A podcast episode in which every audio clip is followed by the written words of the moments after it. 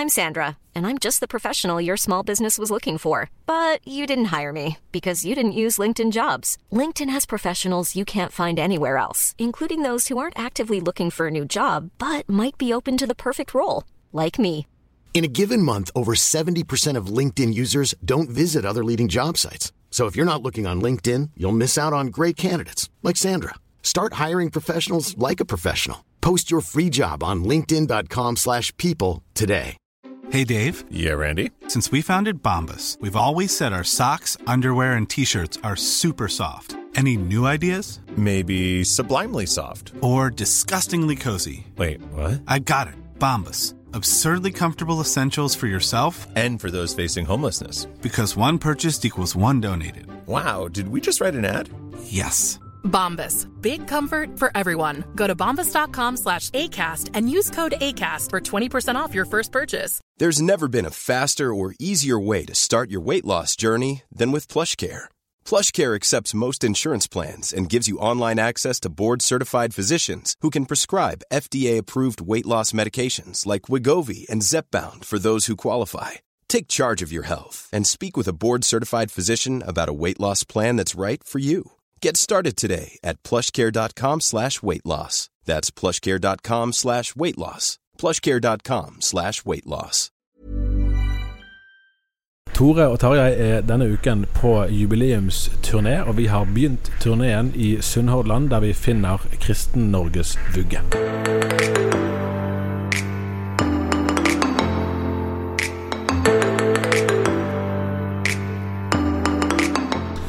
Ja, Tor Hjalmar, akkurat nå sitter vi faktisk om bord i en ferge. En helt ny opplevelse. Ja, Ja, og I hvert fall for deg som er sunnmøring. Ja, eh, det må jeg presisere litt. Det er helt ny opplevelse.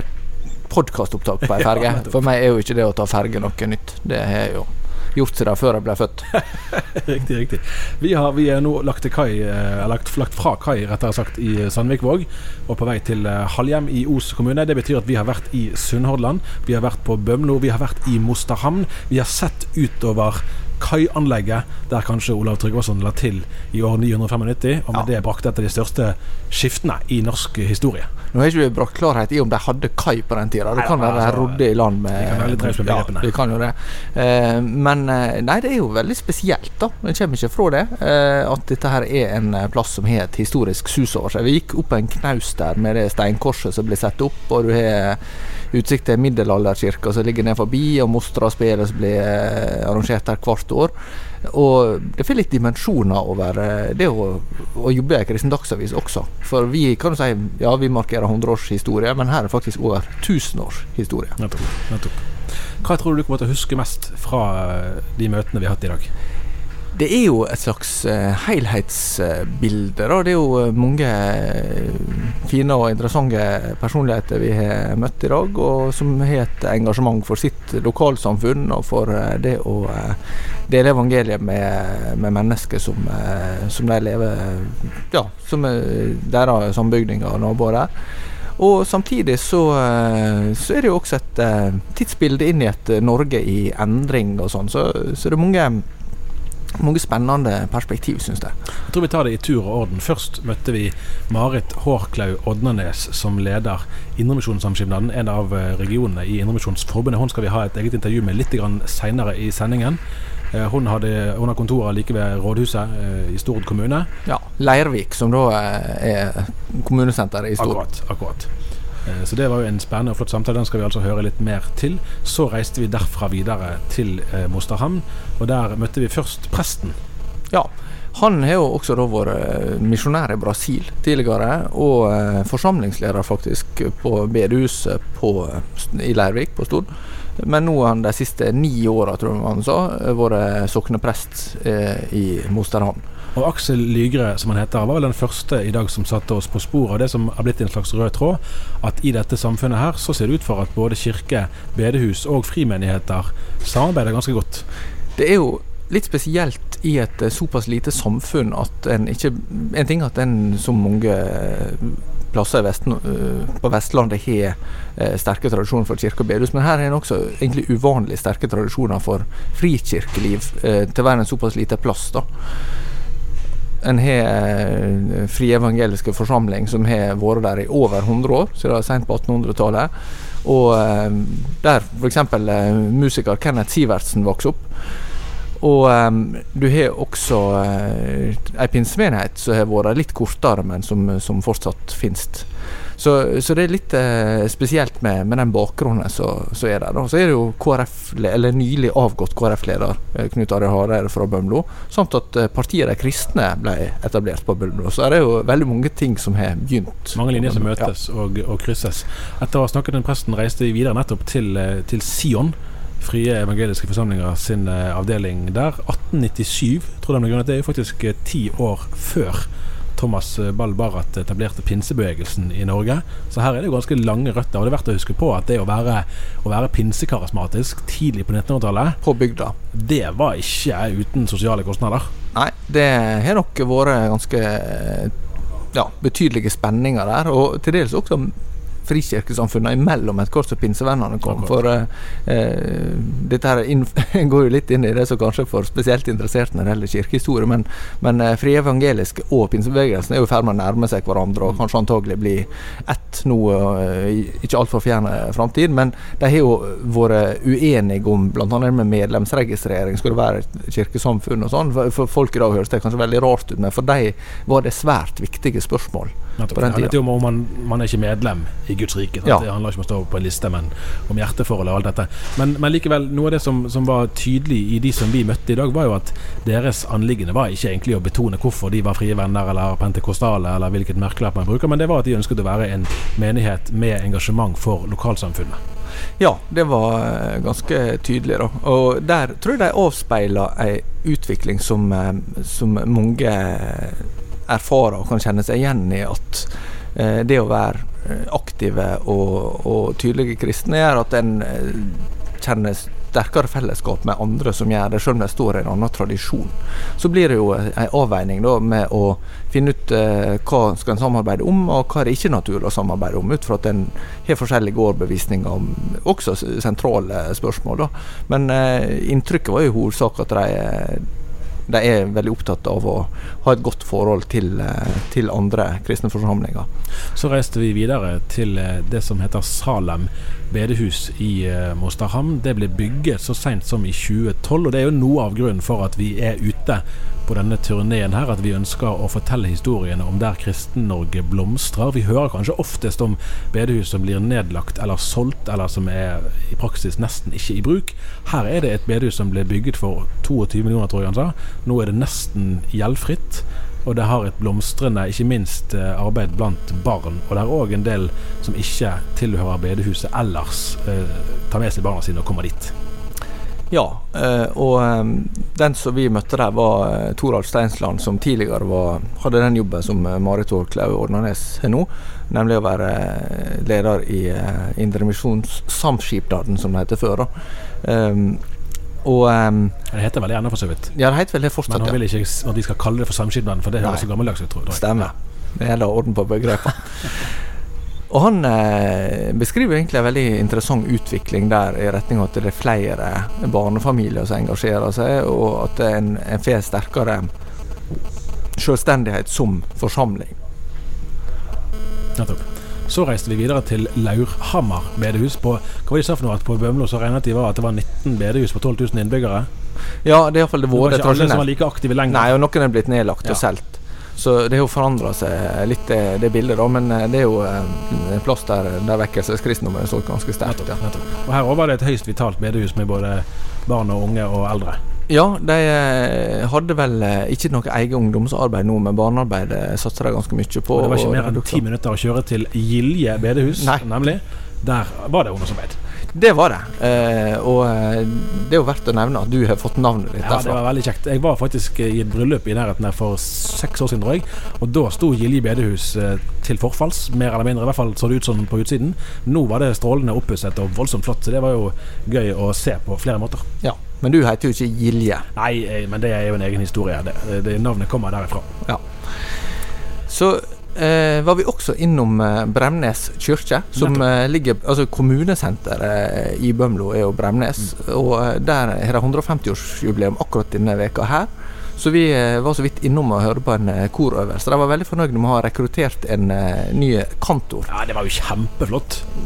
Det var, på, på eh, sangen der som skal eh, fremføres i Ja. kveld og utover. Det var en fin gospelkorsung fra et eh, ganske bredt sammensett eh, gospel, lokalt gospelkor, som en av kirkelydspedagogene hadde vært med å starte, eller hadde tatt initiativet til. Nettopp. Og Det var veldig fascinerende egentlig å høre hvordan altså her, For det første er det jo helt etablert at eh, kirkene og bedehusene har gudstjeneste annenhver søndag, sånn at man kan gå da annenhver eh, her og der. Og, han, og Aksel Lygre, presten, fortalte jo at han gjerne gikk til nattverd som vanlig nattverdgjenger på bedehuset i Salem når han hadde fri. Og tilsvarende at mange som går på bedehuset de andre søndagene, gjerne går i kirken når det er gudstjeneste der. Og det kan jo kanskje ikke høres oppsiktsvekkende ut for den som, eh, som ikke er kjent i eh, eh, embetsteologi og sånn, men, men det er jo ikke alle prester som vil tenke sånn tradisjonelt. Eh, det med fri nattverd, altså forvalta av eh, lekfolk, var jo i sin tid ei kampsak, men ble vedtatt av, eller godkjent av Stortinget i 1913, så vidt jeg husker. Samme året som obligatorisk nattverd ble avskaffet. Da, altså. Ja, det tror jeg kan stemme. Om, Iallfall omtrent på samme tid. Og der fikk vi jo altså For nå er vi jo Vi må jo si det at her er vi i en del av Norge der han anslo vel presten at eh, over 95 av befolkningen er medlemmer av Den norske kirke eller av et annet eh, trossamfunn. Altså en klart høyere andel enn i befolkningen for øvrig. Og at andelen som blir døpt med kristen dåp, om de da er barn eller litt eldre når de blir døpt, den er ganske høy. Den er vel signifikant høyere enn i landet for øvrig. Eh, men òg her er det jo problemstillinger knyttet til folkekirke kontra eh, bedehus. Der Den norske kirke òg her, fikk vi inntrykk av, opplever å ha en annen type kontaktflate med de som kanskje ikke er like ofte på kristne møter og gudstjenester, som eh, bedehusene og gjerne òg frimenighetene opplever. Ja, og det er jo eh, egentlig interessant å treffe det litt på nært hold og snakke med folk som, som eh, står i den eh, situasjonen. Og- folk som kan ha hatt forskjellig eh, bakgrunn, altså kan, ha hatt sterkere tilknytning til, til bedehus, men har valgt å engasjere seg i kirke. Men andre beskriver at det, det er vanskelig å være med to plasser, særlig en del småbarnsfamilier som vil tenke at de nå satser kun på bedehuset. Eh, sånn at den, det at folk velger enten eller, har jo ikke bare med teologi å gjøre, selv om det selvsagt er veldig viktig for en del, og så vil tenke ut fra overbevisningsårsak at den eh, ikke ønsker å engasjere seg i Den norske kirke, men, men eh, andre vil eh, også oppleve mer sånn eh, ut fra det å få hverdagen til å gå, gå i hop, da. At det vil være vanskelig å være med to plasser, og at en dermed vil, vil velge det ene og ikke det andre. Men nå virker det som at det forholdet mellom kirke og bedehus også har vært godt fordi en har hatt prester som har eh, hatt, måtte, stått bedehuset nær teologisk, og dermed eh, at det samarbeidet har vært, vært lett å få til da, helt fram til nå. Ja, så skal ikke det nødvendigvis så mye til før akkurat den eh, situasjonen endres. Nei, det er jo klart at der, eh, der vil det jo være ting som kan, kan skje, men sånn per nå så, så virker det som jeg opplevde at det var et godt samarbeidsklima fortsatt. Marit Hårklev Oddernes trekker frem i det intervjuet vi straks nå skal høre, at hun brenner veldig for det lokale engasjementet. Og det vil vel jeg tenke når jeg skal prøve å oppsummere inntrykkene fra i dag, at det har vi sett. Altså at her er det mennesker som, eh, som virkelig legger ned en betydelig, til dels formidabel innsats i mange forskjellige virksomhetsgrener i ulike menighetssammenhenger. Eh, For å ta vare på de menneskene som er der, men ikke minst for at flere mennesker skal få bli kjent med Jesus Kristus i 2019. Eh, Det syns jeg det er veldig oppmuntrende å, å få se på nært hold. Det, det tenker jeg også er litt viktig, eller ikke bare litt viktig, men veldig viktig for uh, dagen for, og for oss at vi, at vi er med på å fortelle om det. Eh, noen kan jo ha en opplevelse av at pressa først og fremst er opptatt av å finne ut det som er gale i samfunnet. Og jeg kommer ikke fra at det å drive kritisk journalistikk også er viktig for å avsløre ting som, som ikke er bra, men vi vil jo veldig gjerne formidle ting som er bra, og som er inspirerende, og folk kan eh, måte, ja, la seg ja, kan bli oppbygd og, og utfordra av det, det som skjer andre plasser. Så skal vel ikke legge skjul heller på at for oss som sitter ganske mange av årets dager på et kontor på Danmarksplass, eh, det er godt for oss å komme oss ut og treffe folk eh, andre steder. Og så kan vi jo alltids være urolige over eh, mange trender som peker i en negativ retning, men så er det sannelig òg veldig mye fabelaktig flott som skjer eh, der ute. Og noe av det har vi fått se i dag.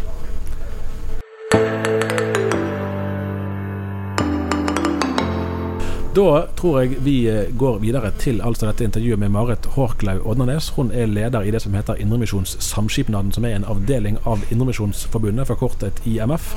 En av Norges eldste misjonsorganisasjoner. eh, Samtidig en av de som har et spenningsfylt forhold til Den norske kirke, der hun er en av de delene av organisasjonen som har et nærmest forhold til folkekirken eh, fremdeles. God lytting. Vi er tilbake neste uke.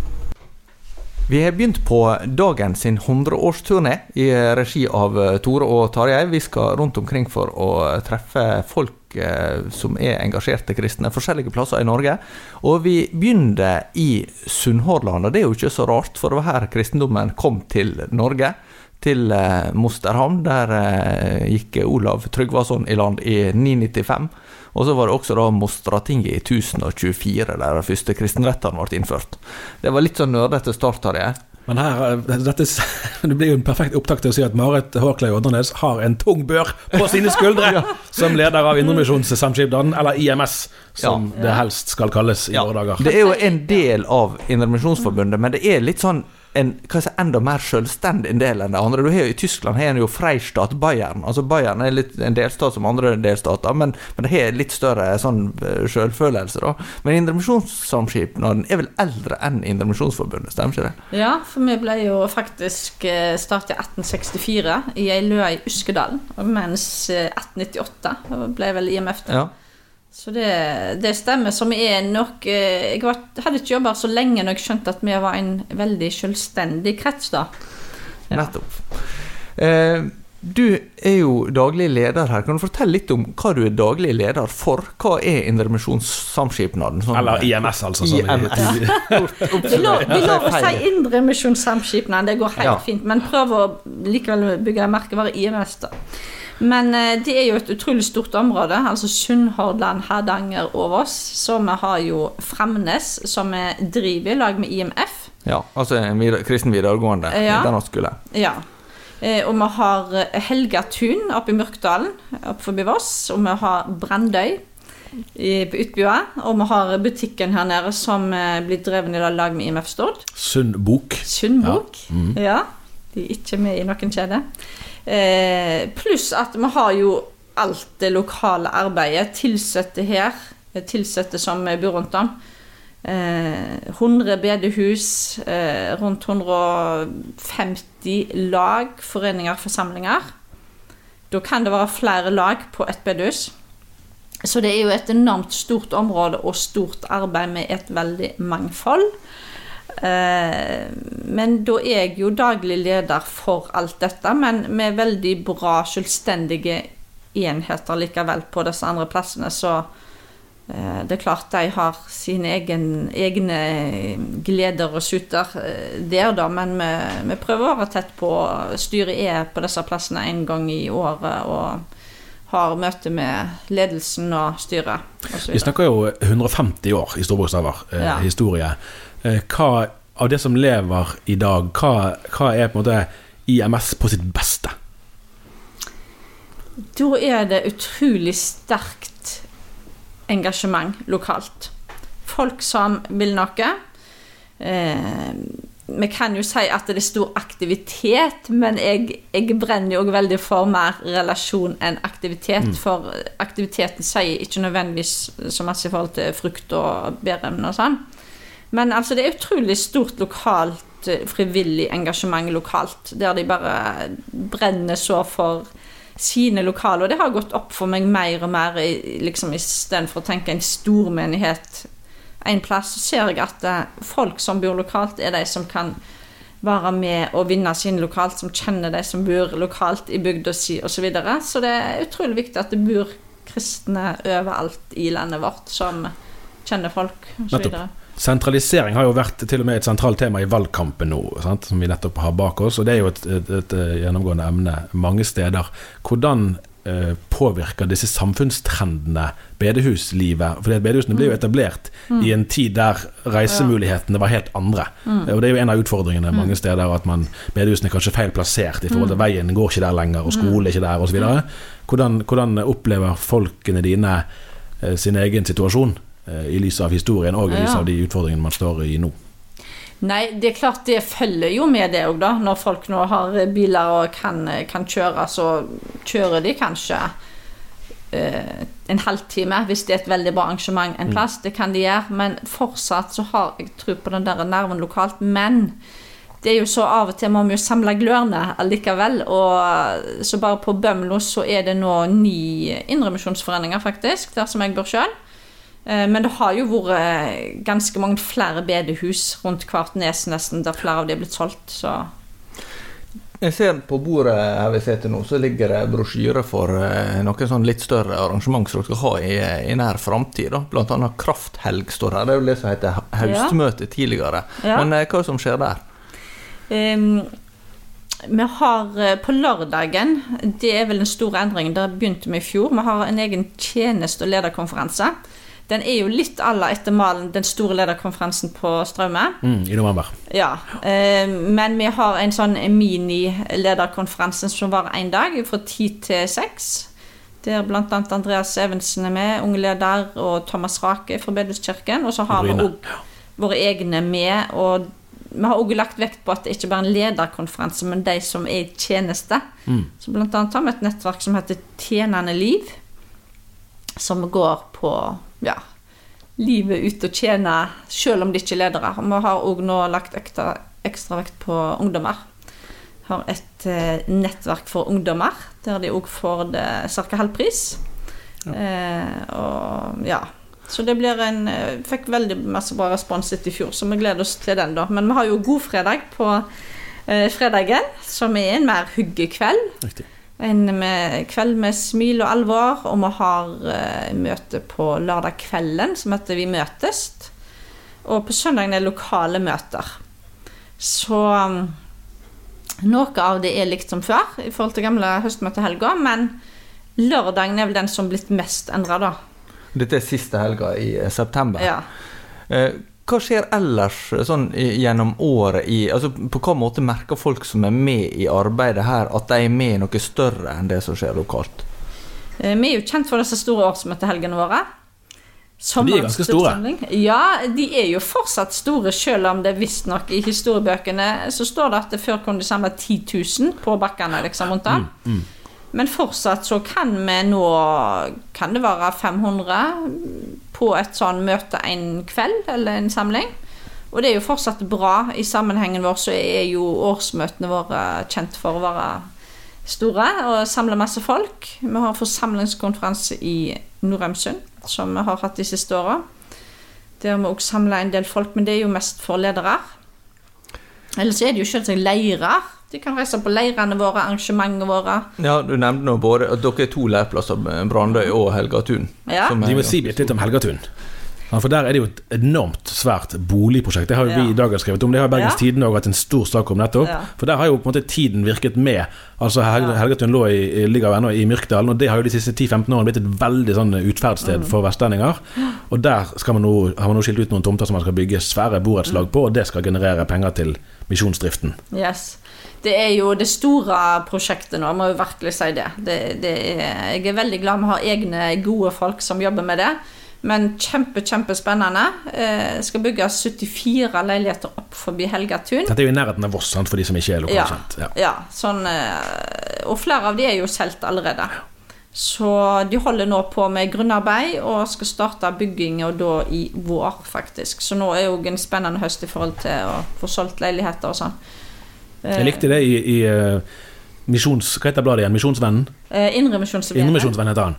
Eh, Der sto det at det hadde vært et ekstraordinært årsmøte nå nettopp, og der sto det at det var en grundig og optimistisk stemning i Ja. årsmøtet. Det, var jo en fin betegnelse. Ja. Ofte kan jo grundighet være forbundet med helt andre ting enn optimisme. Eh, ja, Men her var det begge deler. Men, men det var nok mange som trodde at det skulle gå veldig kjapt, det ekstraordinære årsmøtet. da, og Noen som lurte på om det var gjort på en halvtime. Ja. Men det varte faktisk kanskje en og en halv time, for det kom gode spørsmål. Eh, men det var jo veldig bra òg, for det viser jo at det er engasjement hos lederen lederne lokalt, og at eh, de ja, stiller gode spørsmål inn i det, for det er faktisk viktig, det òg. det var et spørsmål om å stille økonomisk garanti. Sant? Sånn at det Ja, er jo i teorien i hvert fall en risiko for Ja. men så kan det òg være en veldig stor gevinst. Ja. Men er, er det noen betydelig risiko for eh, IMS i eh, dette prosjektet? Eh, nei, det vil jeg ikke si. Eh, det er jo blir organisert som et eh, burettslag. Og Helgatun òg eh, Vi har nettopp hatt en omorganiseringsprosess, og nå er alle blitt eh, sine egne AS. Eh, men det var jo at IMS skulle stille som eh, kausjonist for lånet.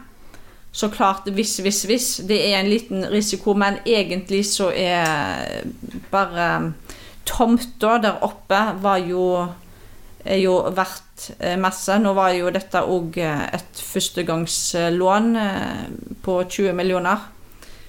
Eh, Så mm, egentlig så var ikke Altså, Helgatun og alt er verdt mer enn de pengene. Så det er Akkurat. ikke stor risiko. Vi, på kontoret til Tor og meg så snakker vi av og til om at misjon og for så vidt kristen virksomhet i mange sammenhenger Altså Man har jo mye ressurser, f.eks. i form av eiendom, som er blitt opparbeidet sant, gjennom 100-150 år.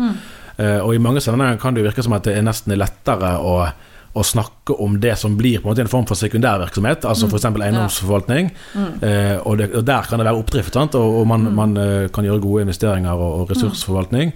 Mens man ser jo samtidig at selve primærarbeidet, at folk skal bli kjent med Jesus, der, der er det større eh, utfordringer. Du har jo bl.a. flere ansatte her på kontoret som jobber med ungdommer.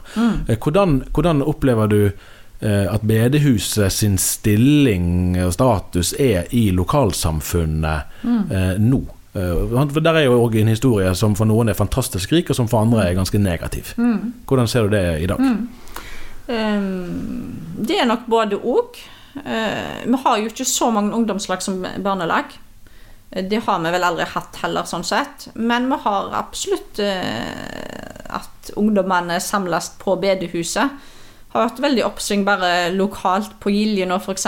Så er det jo nesten sånn at vi for vi kjører Vana. Det betyr at vi har gruppeledere hver gang. Så det er litt jobb å finne nok gruppeledere til alle ungdommene som kommer. For nå er det, har det vært over 50 stykk. Ja, Havana det er jo det nye eh, søndagsskolearbeidet som Indremisjonsforbundet Eh, ja. er importert. Ja. Disippeltreningsopplegget. Altså Ja. det, det er veldig bra, eh, absolutt. Med, med utgangspunkt i både mm, leik og moro og relasjon, eh, som får i gruppene, og undervisning, evangeliet. Men eh, ja, lokalt, altså, tilbake til spørsmålet ditt, eh, eh, så er det jo f.eks. i Jondal, vi har stikk innom, eh, der folk virkelig stikker innom. Altså det er flott Selv om det er en liten plass, så er det ja, helt ok å stikke innom. Det er mm, en plass der folk liker å møtes. Og sånn er det nok mange plasser. Jeg tror at terskelen er låg for mange barn og barn og ungdommer til å komme innom. Det har jo vært historisk eh, tettere bånd mellom bedehus og kirken her i området enn en, i hvert fall i deler av Indremisjonsforbundets nedslagsfelt for øvrig. Eh, Og det, og det tilfellet oppfatter jeg fremdeles. Eh, Hva tror du det skyldes? Ja, det var et godt spørsmål.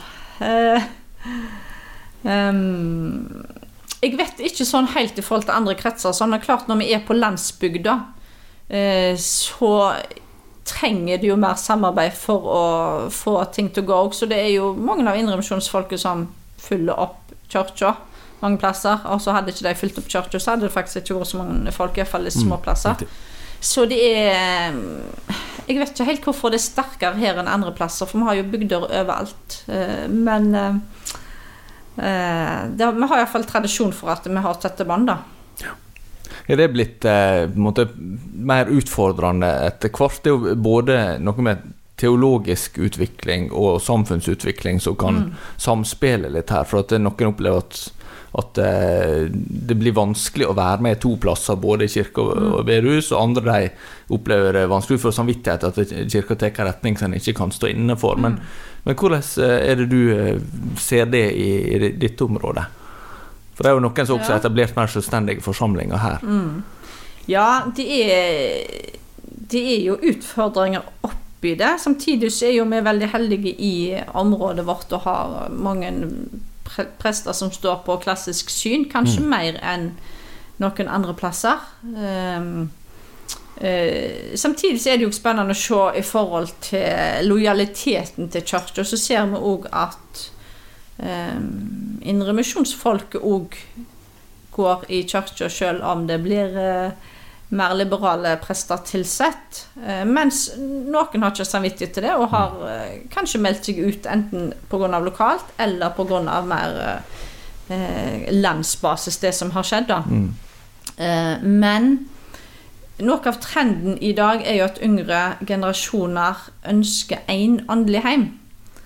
Eh, og det merkes jo hos oss òg. Eh, det er jo flere plasser som mer går mot eh, en forsamling. Og det er det jo ulike mening, meninger om. Uh, på, på Stord her så har de begynt å ha forsamlingsmøte annenhver søndag klokka 11. Uh, og det er gudstjeneste hver søndag klokka 11. Eh, de bruker samme parkeringsplass. Ja, Eh, Så riktig. eh, det er klart eh, det, det kan jo være utfordrende, og for flere er det utfordrende. Men samtidig har de faktisk hatt vekst både i kirka og bedehuset.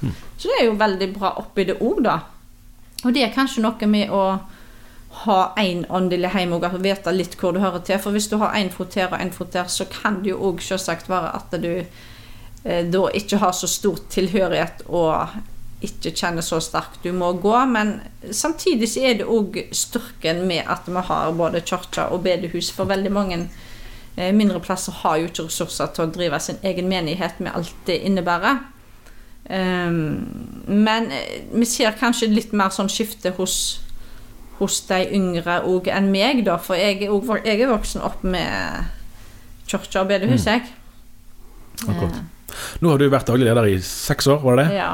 Hvis du prøver å se fem år, f.eks., ti år frem i tid, eh, klarer du å, å tenke ut det som her Mitt ønske for utviklingen i arbeidet er at vi om et antall år skal Ja, det var det. Eh, um, jeg ønsker livskraftige forsamlinger. Det er iallfall helt sikkert. Eh, Og formålet vårt er å fremme Guds rike og holde opp et livskraftig indremisjonsarbeid. Så jeg brenner jo uansett i forhold til kirkebedehus, så, så brenner jo jeg veldig for at vi skal ha livskraftige fellesskap da, på bedehuset, forsamlinger. Eh, Det er jo sånn noen også sier, ja, men hva er forskjellen? om vi definerer oss som Jeg kaller egentlig foreninger eller det lokale arbeidet for forsamlinger. Eh, Sånn at det her er litt definisjonsspørsmål selvsagt oppi det. Um, men det å ha at, at eh, folk blir ført inn i et fellesskap, kristen fellesskap de kan trives i, med smågrupper, med det som det innebærer, er jo det er jo virkelig derfor vi er til, tenker jeg. Og det er jo sånn at noen de går begge plasser, men noen går kun i kirka, noen går kun i bedehuset. Og vi må kanskje i større grad, det mener jeg faktisk, ta hensyn til de som kun går på bedehuset òg, da. For ellers er det jo noen som ikke får, får sine tjenester. Men om det så er dåp på et bedehus en søndag, så betyr jo ikke det at nå har vi skilt lag med kirka, og nå er vi en egen eh, Fallebukka alle bruker selvstendig forsamling, for hos oss er alle selvstendige. Men eh, hvis dere skjønner hva jeg mener, med fullverdig tjenestetilbud, så folk er fri til å, til å døpe hvor de vil, og så videre. Du har jo vært engasjert i eh, innovasjonsarbeidet lenge, og, og også lenger enn det, den du har hatt denne stillinga her. Eh, Kan du til slutt si noe om hva som motiverer deg, og hva som på en måte har eh, ja, bærer din, ditt kall, eller din Ja, hva er vitnesbyrdet ditt? da? Hvorfor, hvorfor du velger å bruke livet ditt på dette? Det er noe av det som jeg snakket om i stad, eh, faktisk. At eh, jeg, jeg brenner veldig for det med livskraftige forsamlinger. Og pusher på utvikling sånn at ting ikke dør ut. Som betyr hvordan kan vi utruste nye ledere, hvordan kan vi ha bærekraft i dette, eh, hvordan kan arbeidet i enda større grad bære frukt, osv. Um, det, er, det er virkelig sånn brann hos meg. Eh, så jeg må balansere eh, i møte med misjonsfolk og de lokalt som bare gjør en så fantastisk eh, jobb. Men òg tenke litt sånn hvordan, kan vi enda større grad trene opp nye ledere osv., så videre, sånn at arbeidet er der fortsatt om 20 år. Hvordan kan vi nå folk i bygda vår? At vi ikke tenker for tradisjonsbunden eller tenker for masse aktivitet og aktivitet. Kanskje skal vi stoppe opp av og til og stille spørsmål hvordan er, det Gud, hva er det Gud ønsker å gjøre her i bygda vår? Eller hvem, hvem er det som blir kalla her nå? Still oss sånne spørsmål, så Men jeg, det utfordrer jo veldig meg òg, da. Jeg, eh, har tenkt å, å lese noen bøker de siste dagene, så utfordrer meg veldig. For i min travle hverdag og med det livet som jeg lever med flakkene her og der, så er det sånn, ja Når fortalte jeg noen om Jesus sist? Som ikke taler på bedehuset, men sånn ellers. Eh, så det gjelder jo meg òg. Skal jeg starte ei gruppe, bibelgruppe, med noen eh, for å at de kan mer bli utfordra i trua og ta noen steg videre lag med Gud. Jeg tror det passer å sitere fra din egen lederartikkel i siste nummer av Indremisjonsvennen. Og Der står det 'Jeg gleder meg til høstsemesteret, til oppgaver og alt som venter', men også til de stille stundene sammen med Jesus. Ja. Det var godt sagt. Det var jo ganske bra sagt, om jeg skulle si det sjøl. Og det sier jeg av og til når jeg er på møte, at det viktigste for meg som daglig leder er jo at jeg tar meg tid til Gud sjøl. Ja, for, for, jeg tenker det, det er en utfordring for altså Vi snakker jo om kristent arbeid. Sånn at, eh, at, vi eh, En kan bli mer opptatt med det vi skal gjøre for Gud, enn det Gud har gjort for oss. Mm, nettopp. Og det er jo litt sånn, ja hva, hva, Hvorfor skal folk møte Jesus?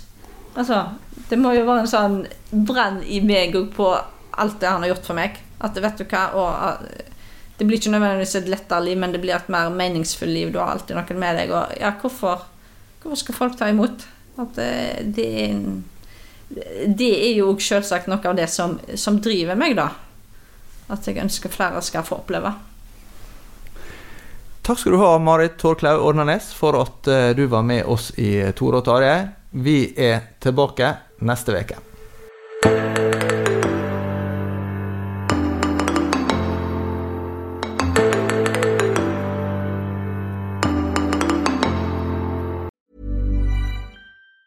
Planning for your next trip? Elevate your travel style with Quince. Quince has all the jet setting essentials you'll want for your next getaway, like European linen, premium luggage options, buttery soft Italian leather bags, and so much more. And it's all priced at 50 to 80% less than similar brands. Plus, Quince only works with factories that use safe and ethical manufacturing practices. Pack your bags with high-quality essentials you'll be wearing for vacations to come with Quince. Go to quince.com slash trip for free shipping and 365-day returns. Hi, I'm Daniel, founder of Pretty Litter. Did you know cats tend to hide symptoms of sickness and pain? I learned this the hard way after losing my cat, Gingy. So I created Pretty Litter, a health monitoring litter that helps detect early signs of illness by changing colors, saving you money and potentially your cat's life. Pretty Litter is veterinarian developed, and it's the easiest way to keep tabs on your fur baby's health right at home. Go to prettylitter.com and use code ACAST for 20% off your first order and a free cat toy. Terms and conditions apply. See site for details.